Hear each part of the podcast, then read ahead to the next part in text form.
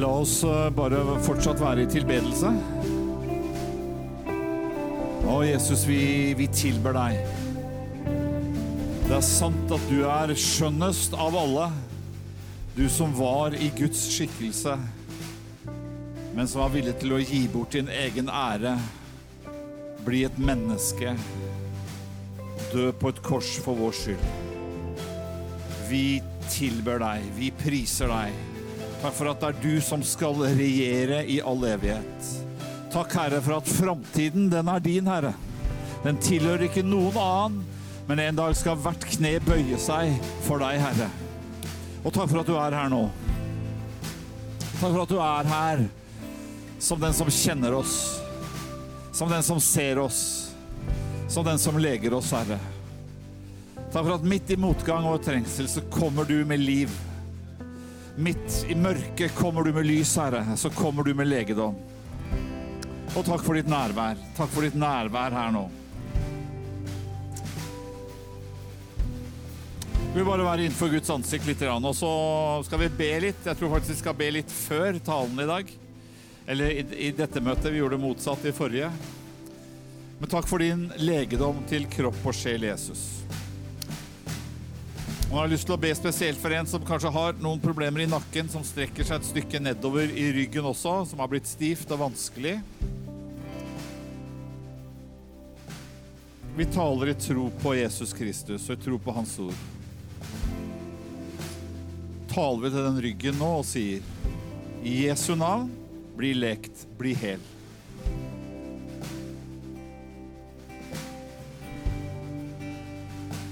Takk, Jesus, for at du er her. Og takk for at vi får lov til å se opp til deg og stråle av glede. Takk, Herre, for at du berører våre hjerter. Du ser på oss med nåde. Du ser på oss med glede. Du ser på oss med kjærlighet og med velbehag.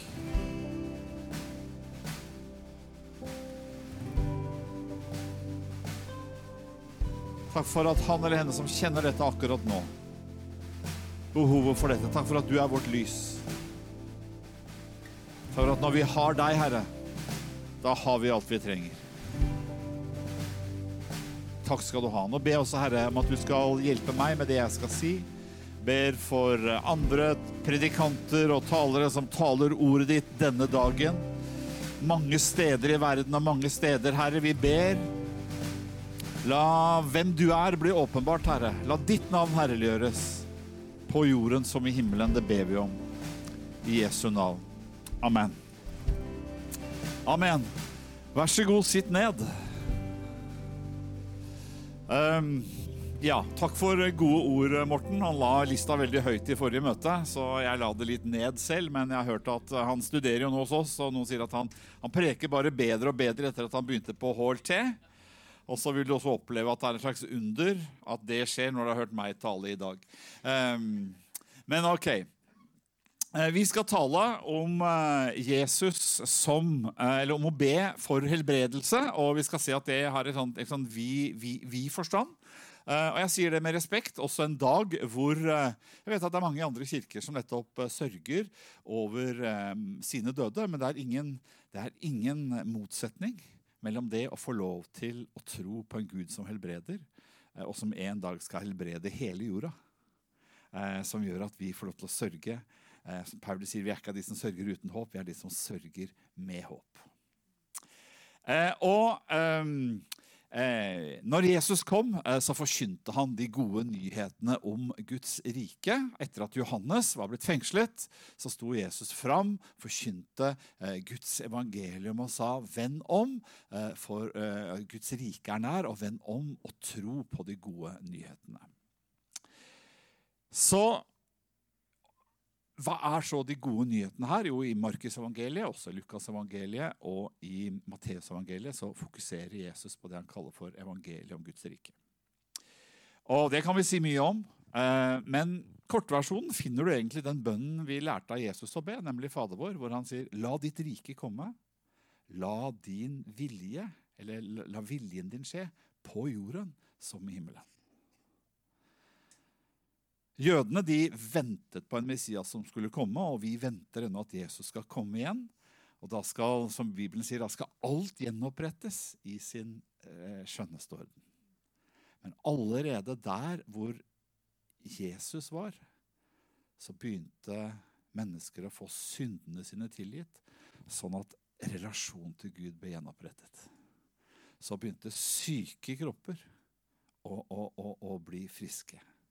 Det betyr at der hvor Jesus er til stede, der hvor Den hellige ånd virker, der får vi oppleve en forsmak på det som jeg i dag skal komme. Der begynner Guds vilje å skje på jorda som den skjer i himmelen. Og det er gode nyheter. Men så har dette et sentrum. Eh, denne frelsen, som Bibelen sier, den, den, den har en kilde. Eh, og det er Jesu kors.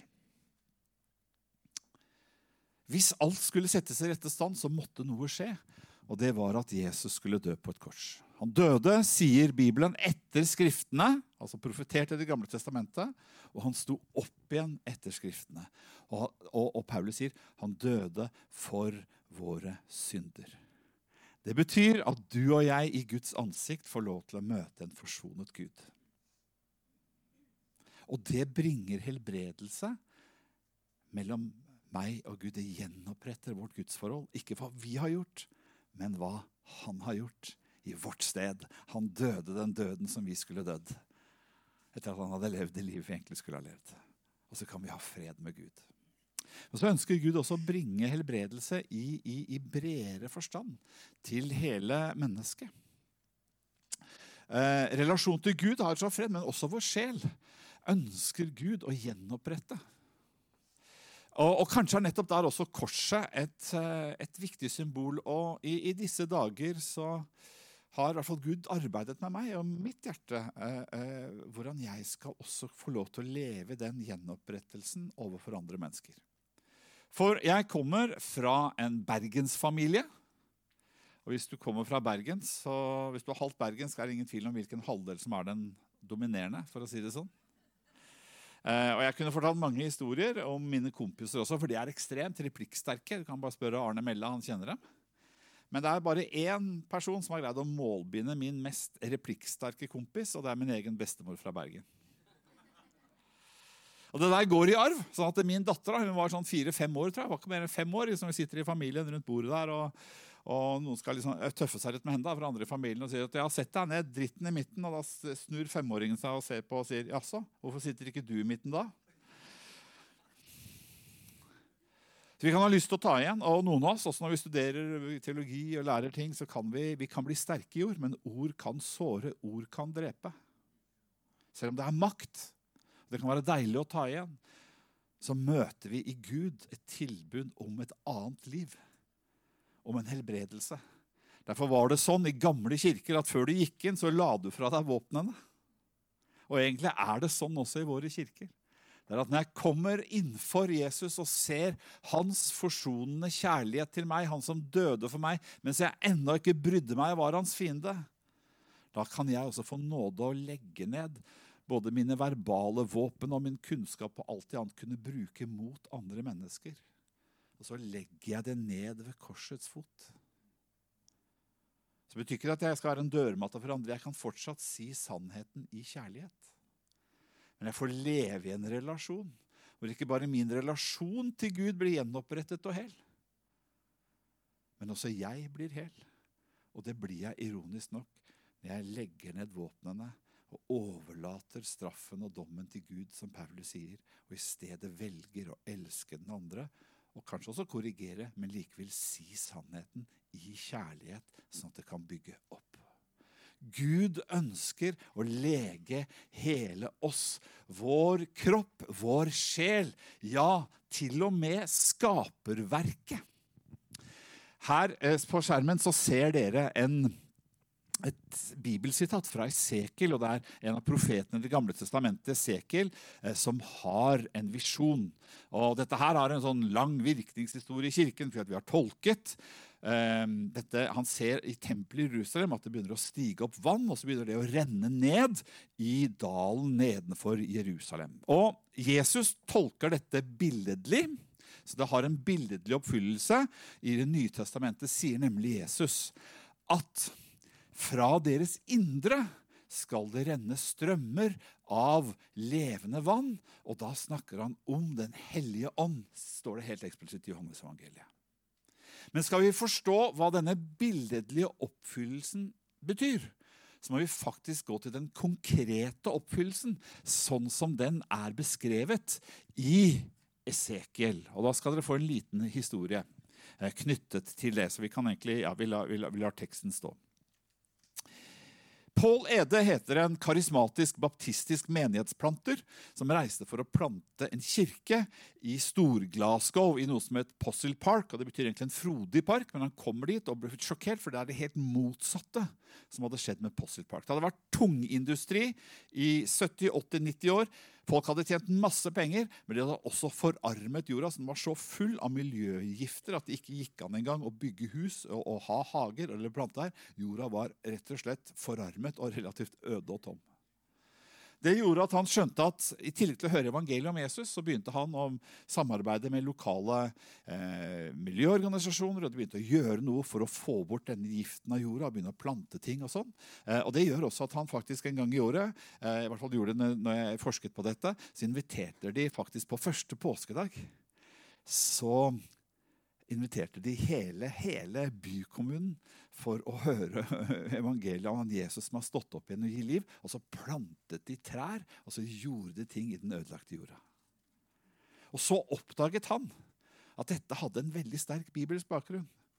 For på landet nedenfor Jerusalem, der hvor vannet, dette, denne dobbeltbekken skal renne, der ligger Sodoma og Gomorra.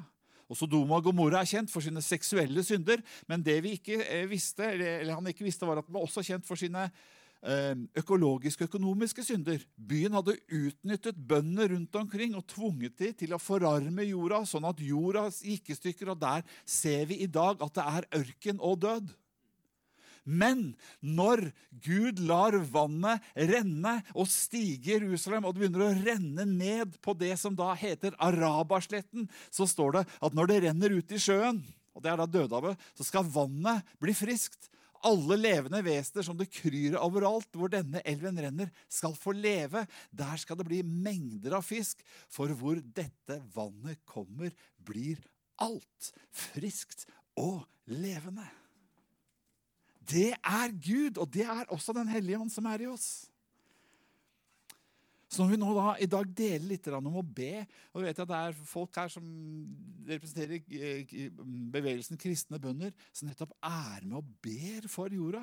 Så handler det om at vi tror at Gud vil gjenopprette og uh, helbrede alt. Og vi kan begynne å be om at deler av jorda, vår egen kropp, men også vårt eget omland, kan få en forsmak nettopp på den kommende verdens krefter. Halleluja. Så vi trenger altså det store bildet. Og i det har jeg også lyst til å si noe nettopp en dag da, hvor det er eh, mange som også sørger over sine døde. På bildet her, på veggen bak meg så ser dere bildet av min mor. Det var hun som lærte meg å be for syke.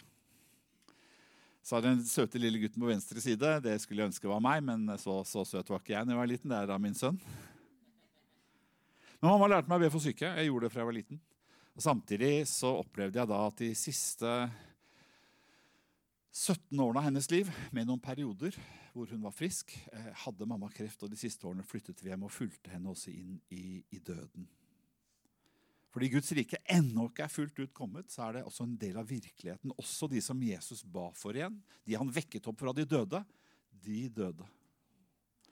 John Wimber, som jeg har lært mye av når det gjelder bønn for syke, han var hjemme og ba for en liten barn som døde. Han, fra begravelsen er han kjempelei seg og roper til Gud og sier at det er jo sånn at foreldre skal ikke behøve å begrave barna sine. Og Gud sier det er sant, men det er bare et spørsmål om tid.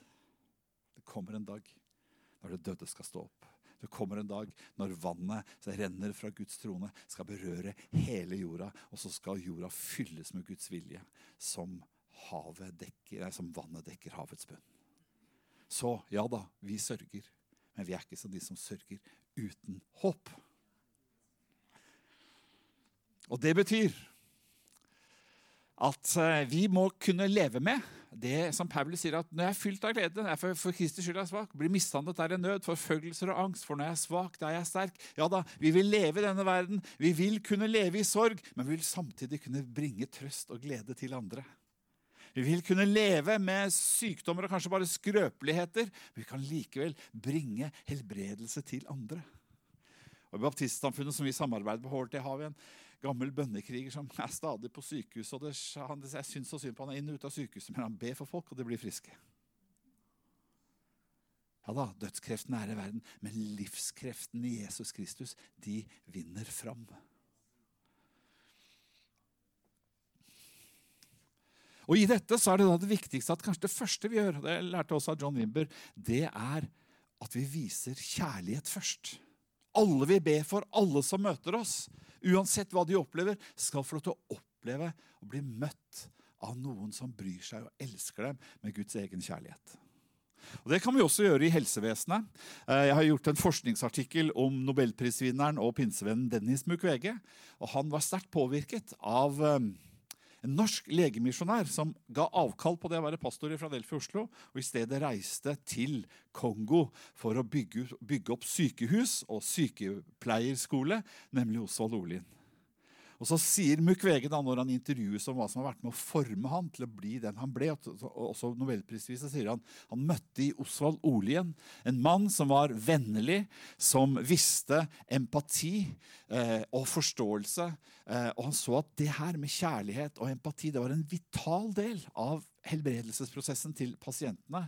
Og i Olien fant han også en person som sto opp for de eh, som ble oversett, og som sto opp for mot urettferdighet. Vi får lov til å få lov til å være representanter for Jesus overalt hvor vi er, og få lov til å bringe et, et, et, en smak av den kommende verdens helbredelse og av Guds rike. Samtidig som vi nå har sett dette store, balanserende bildet, så må vi, som Åge Åleskjær også sier, se på nærbildene av Jesus i evangeliene.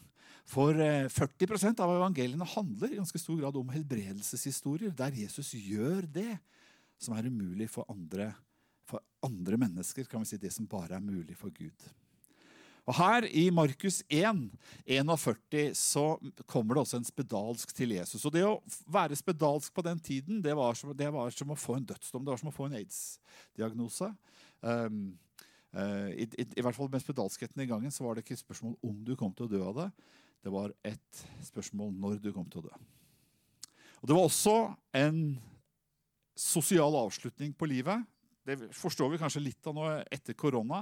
Eh, man, beholdt, man, skulle i hvert fall ifølge tredje Mosebok, det er ikke sikkert det ble praktisert på Jesu tid, så var det sånn at i det øyeblikket du ble smitta, fikk du ikke lov til lenger å omgås familien din. Du fikk ikke komme inn i kirka. Du skulle egentlig gå med en bjelle og rope 'uren, uren', sånn at folk kunne trekke seg unna og unngå å bli smittet. Ingen ville noen gang ta på deg. Men denne spedalske hadde sett Jesus helbrede syke. Han hadde hørt Jesus forkynne.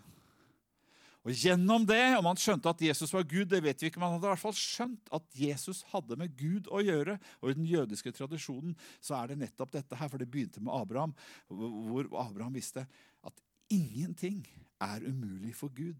Det som er umulig for mennesker, det er mulig for Gud. Og nå hadde Gud blitt menneske i Jesus Kristus. Og derfor så møter han den spedalske. Og ikke bare helbreder han. Ikke bare sånn knipser, liksom. 'Nå blir du frisk, og så går jeg videre.' Nei. Jesus tar seg tid. Så står det når han så på ham, ble han fylt av medlidenhet og kjærlighet. Og så gjør han det ingen andre turte, ingen andre gjort på mange år. Han tar på den syke og sier han, 'Jeg vil bli ren'. Og så sier han, Dra på legesjekk hos prestene som ikke lager kaos her, så kan de bekrefte at du er frisk. Det er nærbilder av Jesus. Og vi trenger også å lese Bibelen. Vi trenger å dykke inn i Guds ord for nettopp å se at den, den, den, den Jesus vi lever med, han er mer, han er 100% menneske, men han er også mye mer enn et vanlig menneske. Det betyr også at vi må kunne se at Jesus er Herre. Han er reist opp igjen fra døden, og det er det påskemorgen handler om. Det er at han ikke lenger er i graven, men han har stått opp igjen, for døden kunne ikke holde på han. Han er herre over himmel og jord. Han er herre over nåtiden, han er herre over framtiden.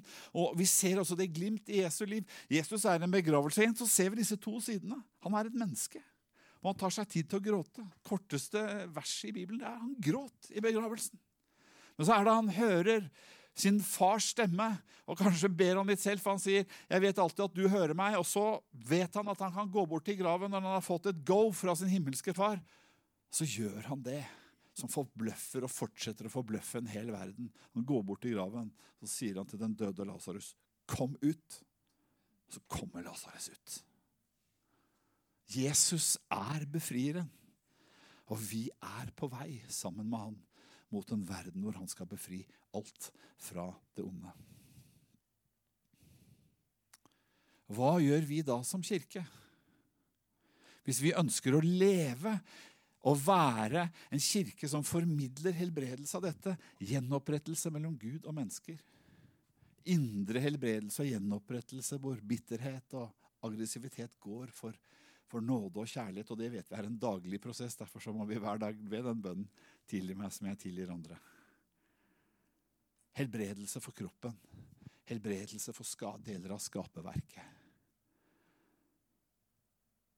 Jo, ofte så kan vi tenke at vi først og fremst vil ha det spektakulære. Vi vil liksom ha dette ettermøtet hvor mennesker blir berørt, og folk reiser seg fra rullestolen. Og så vil vi tenke at ja, det der med å besøke de syke hver uke, det, det er vi ikke så med. Men vi er kalt til å leve i kjærlighet. Og så er vi kalt til å gjøre det Jesus gjorde. For uh, han sto ikke bare offentlig og betjente mennesker. Det står ofte at han trakk seg tilbake for å være alene med Gud. Eh, og det er nok sånn også. Det er mange gode pinseerfarne kristne her som tro det eller ei faktisk er enda eldre enn meg og har levd med Jesus enda lenger. det er helt greit at du har levd lenge med Jesus. De vet at ofte så er det som skjer i et sånt møte hvor vi ber for mennesker og for de berørt, det fins et liv, det fins et hemmelig liv bak, under, før og etter. Og det er dette langvarige livet hvor jeg bare lever med Gud er sammen med han, tilber han, og så ber vi for andre mennesker. Så ber vi for ungdommene i menigheten, så ber vi for de eldre i menigheten, så ber vi for de som bor i Sandvika, så ber vi for alle som blir berørt utenfor. For vi er i denne verden for å dele Jesu liv, dele Jesu tjeneste. Og ut av den forbønnstjenesten så blir det født. også tjenester, så blir det født ungdommer, så blir det født eldre, som bærer Jesu oppstandelseskraft framfor verden og bringer legedom til verden. Jeg kjenner at det jeg kunne prekt lenger, men jeg tror vi skal stoppe der. Jeg lar musikerne komme opp, og så skal vi, skal vi be sammen. Vi reiser oss opp alle sammen. Og Jeg tror vi skal be først eh, for eh, der hvor vi slapp. Du som kjenner at du har denne bønnetjenesten til å leve i forbønn for andre. Eh, kanskje vil du som si, min baptistiske venn ikke være den som synes mest og kanskje oppleve mye svakhet, men vite at gjennom ditt liv og din tjeneste så vil andre få kraft til å bære evangeliet fram. Med kraft til å bringe helbredelse, legedom, ja, kanskje også tegn og under skal vi bare være innenfor Gud. Og så tilber vi han, og så skal vi, når vi har tilbedt han litt, så skal vi be spesielt for deg som kjenner på denne trangen til å leve i en forbønnstjeneste. Og Jeg har lyst til å begynne nettopp der, fordi jeg tror at det er nettopp der også gjennombruddet i Guds menighet begynner.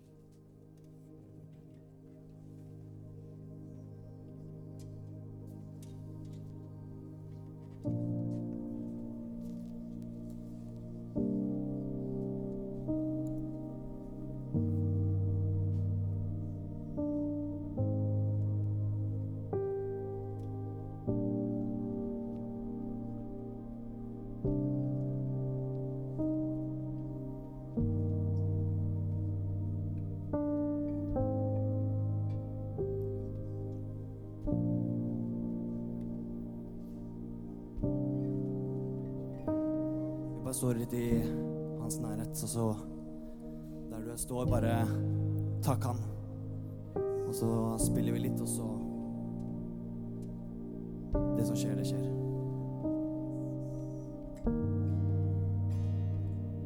Til deg vil jeg gi mitt hjerte, mitt liv. Min Gud, du vil alltid stå fast. Min klippe er du. Du er trofast i alt du gjør. Til deg vil jeg gi mitt hjerte, mitt liv. Min Gud, du vil alltid stå fast. Min klippe er du, mitt frelser er du. Du er trofast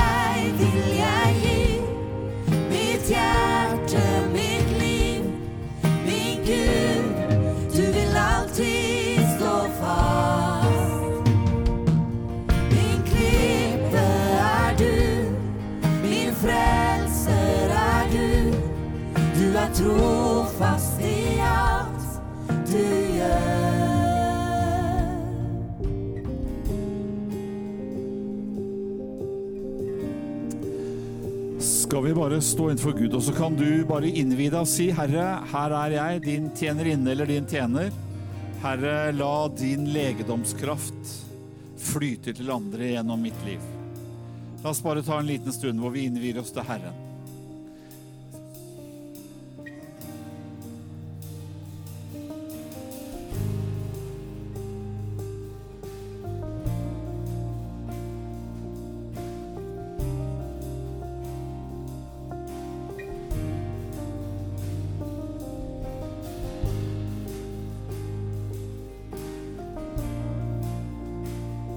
Herre, la, la ditt navn få ære, ikke oss, Herre. La det bli synlig og klart at det er du som gjør det, men gjør det gjennom oss. Vi ber Jesu navn.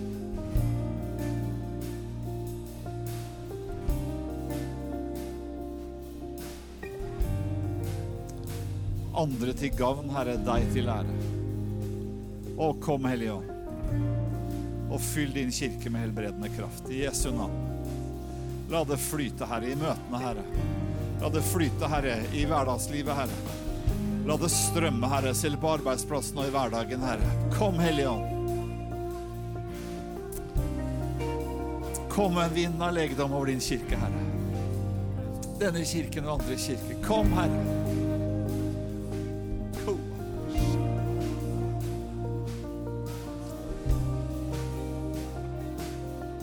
Lyst til å be spesielt for deg også som kjenner at jeg har denne forbønnstjenesten. Og, jeg tror også har et par ord til deg som har tjent en stund. Og som også i periode nå har opplevd det tørt. Og kanskje ikke hørt, trodd at Gud, eller ikke følt at Gud hører bønnene dine, men han har hørt dine bønner. Han har hørt, han har sett. Og det Herren taler til deg, det er at det du har sådd med tårer, skal du høste med jubelrop. Det kommer en dag når det du har sådd med tårer i bønn, skal høstes med jubelrop. Og vi ber her om en ny generasjon også, Herre. Og jeg tror også et oppmuntringsord til deg som har denne bønnetjenesten. Jeg vil ta den ånd som har vært over deg, og jeg skal gi den videre til en ny generasjon av mennesker som ber.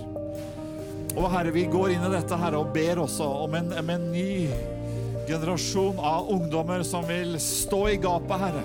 Som vil kjempe den gode strid i bønn, Herre, for at andre skal få oppleve dine helbredende krefter.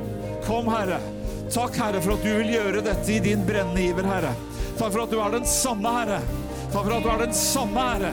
Takk for at det som ligger foran, Herre, det er sterkere, Herre, enn det som har vært, Herre. Vi priser deg, Herre, for at du utøser nådens og bønnens ånd, Herre. Du utøser nådens og bønnens ånd, Herre. Vi priser deg, Herre. Og vi priser deg.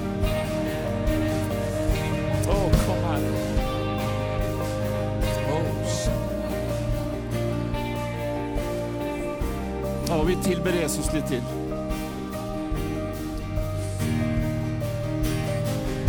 Du har tatt bolig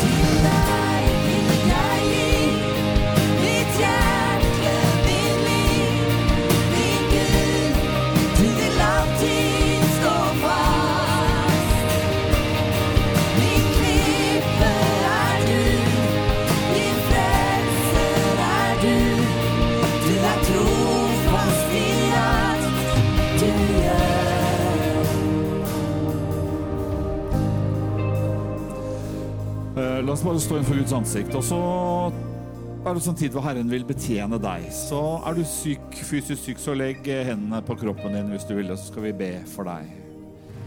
Hvis du er der at du kjenner at du skal la noe gå, våpen du har hatt mot andre, så kan du akkurat få nå få lov til å oppleve frihet til bare å legge deg ned for korsets fot. Han skal kjempe din kamp for deg. I kjærlighet og nåde. Herre Jesus, takk for at du er her. Nå ser du hva vi har behov for. Og vi kommer til deg med våre hjerter. Vi kommer til deg med vår sjel. Vi kommer til deg med vår kropp. Vi kommer til deg som vi er, Herre. Takk for at du tar imot oss. Og så ber jeg, Herre, for brødrene og søstrene i dette rommet akkurat nå. Herre, berør dem med akkurat det de trenger. I Jesu navn. Takk for at du er her. Berør med tilgivelse, Herre. Berør med helbredelse, Herre. Berør med gjenopprettelse og befrielse. I Jesu navn. Jesu navn. Vi inviterer deg, Hellige Ånd, til å bare virke. Virke nå. Kanskje i oppfølgende sjelesorgsamtaler og andre ting etterpå, Herre. Du må gjøre det på den måten du vil gjøre. Men akkurat nå, Herre, så ber vi om at det skal vende, Herre. Vi ber om at sykdomsforløp skal vende i Jesu navn. Vi ber om at tankebygninger skal rase i Jesu navn. Vi ber om at sår skal begynne å gro, Herre, i Jesu navn. La din legedom strømme. Og din er æren, Herre. Din er all ære, Herre. For du er den som ga ditt liv, Herre. Du er den som døde for oss, Herre. Du er den som sto opp, Herre. Og du er den som skal komme igjen, Herre. All ære, all pris, all lov til deg, Herre, i evigheters evigheter. Amen. Vi bare fortsetter å tilbe.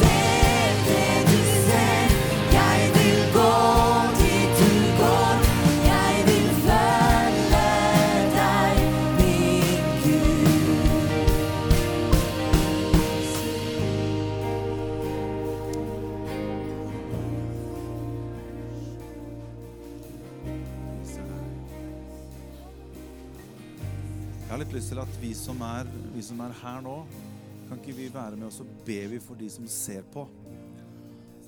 Jeg tror det er mennesker som ser på, som trenger forbønn, som trenger en, en, en berøring av Gud der de er, om det er til ånd, om det er til sjel eller til legeme. Men jeg vil at vi som kirke, som har muligheten til å kunne sende ut på eteren, at vi tar en liten stund og så ber vi for mennesker som sitter og ser. Det kan være mennesker som er syke, det kan være mennesker som er såret, det kan være mennesker som er deprimert eller føler seg motløs, er inne i situasjoner som er vanskelige og uhåndterlige. La oss være med, og så løfter vi de som ser på akkurat nå. Skal vi gjøre det? Og så ber vi om at Gud, som er uten tid og uten rom, og som er alle stedsnærværende, han er der med sin ånd og med sin kraft akkurat nå. Så far, vi takker deg for hver eneste en som ser på denne sendingen akkurat nå. Vi ber, Herre, og vi vet at du er til stede med din ånd akkurat nå, Jesus. Du er til stede ved din kraft, og du er til stede med din helbredelse og din legedom. Takk for du er den som forfrisker, takk for du er den som løser, takk for du er den som oppmuntrer, Herre. Takk for du er den som leger, Jesus. Vi ber for hvert eneste sted, hver eneste stue eller hver eneste podkast eller hva det er for noe. Vi ber om at du berører mennesker akkurat nå med din ånd og med din kraft der mennesker er nå, i Jesu av Nasarets navn. Og som kirke, Herre, så ber vi deg, Herre, rør ved menneskers liv. Akkurat nå, Jesus. Rekk ut din hånd og rør ved mennesker. Vi ber om at sykdom må gå. Vi ber om at ting som er urolig, må løse seg i Jesu av Nasarets navn. Og la oss få lov til å høre om hva du gjør, Jesus, gjennom luften, gjennom eteren. La oss få lov til å få rapporter om at du er ingen steds, du har ingen begrensning å være noe sted, men du er alle stedsnærværende, og du rører ved mennesker med din Hellige Ånd og ved din kraft, Jesus. Jeg takker deg for det i Jesu av Nasarets navn. I Jesu av Nasarets navn. Amen. Amen, amen, amen. Fantastisk Jesus. Fantastiske Jesus. Halleluja. Priser deg, Herre. Priser deg, Jesus. Halleluja.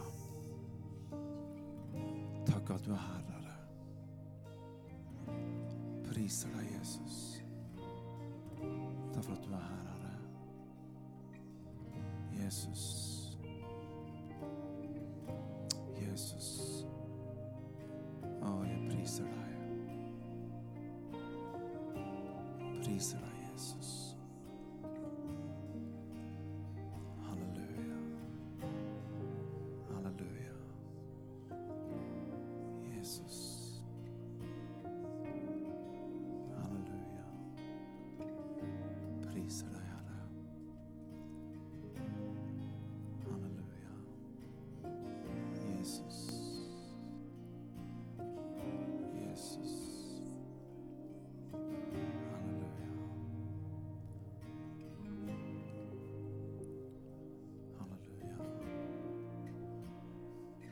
For at du fortsetter å fylle oss med din kraft, Herre.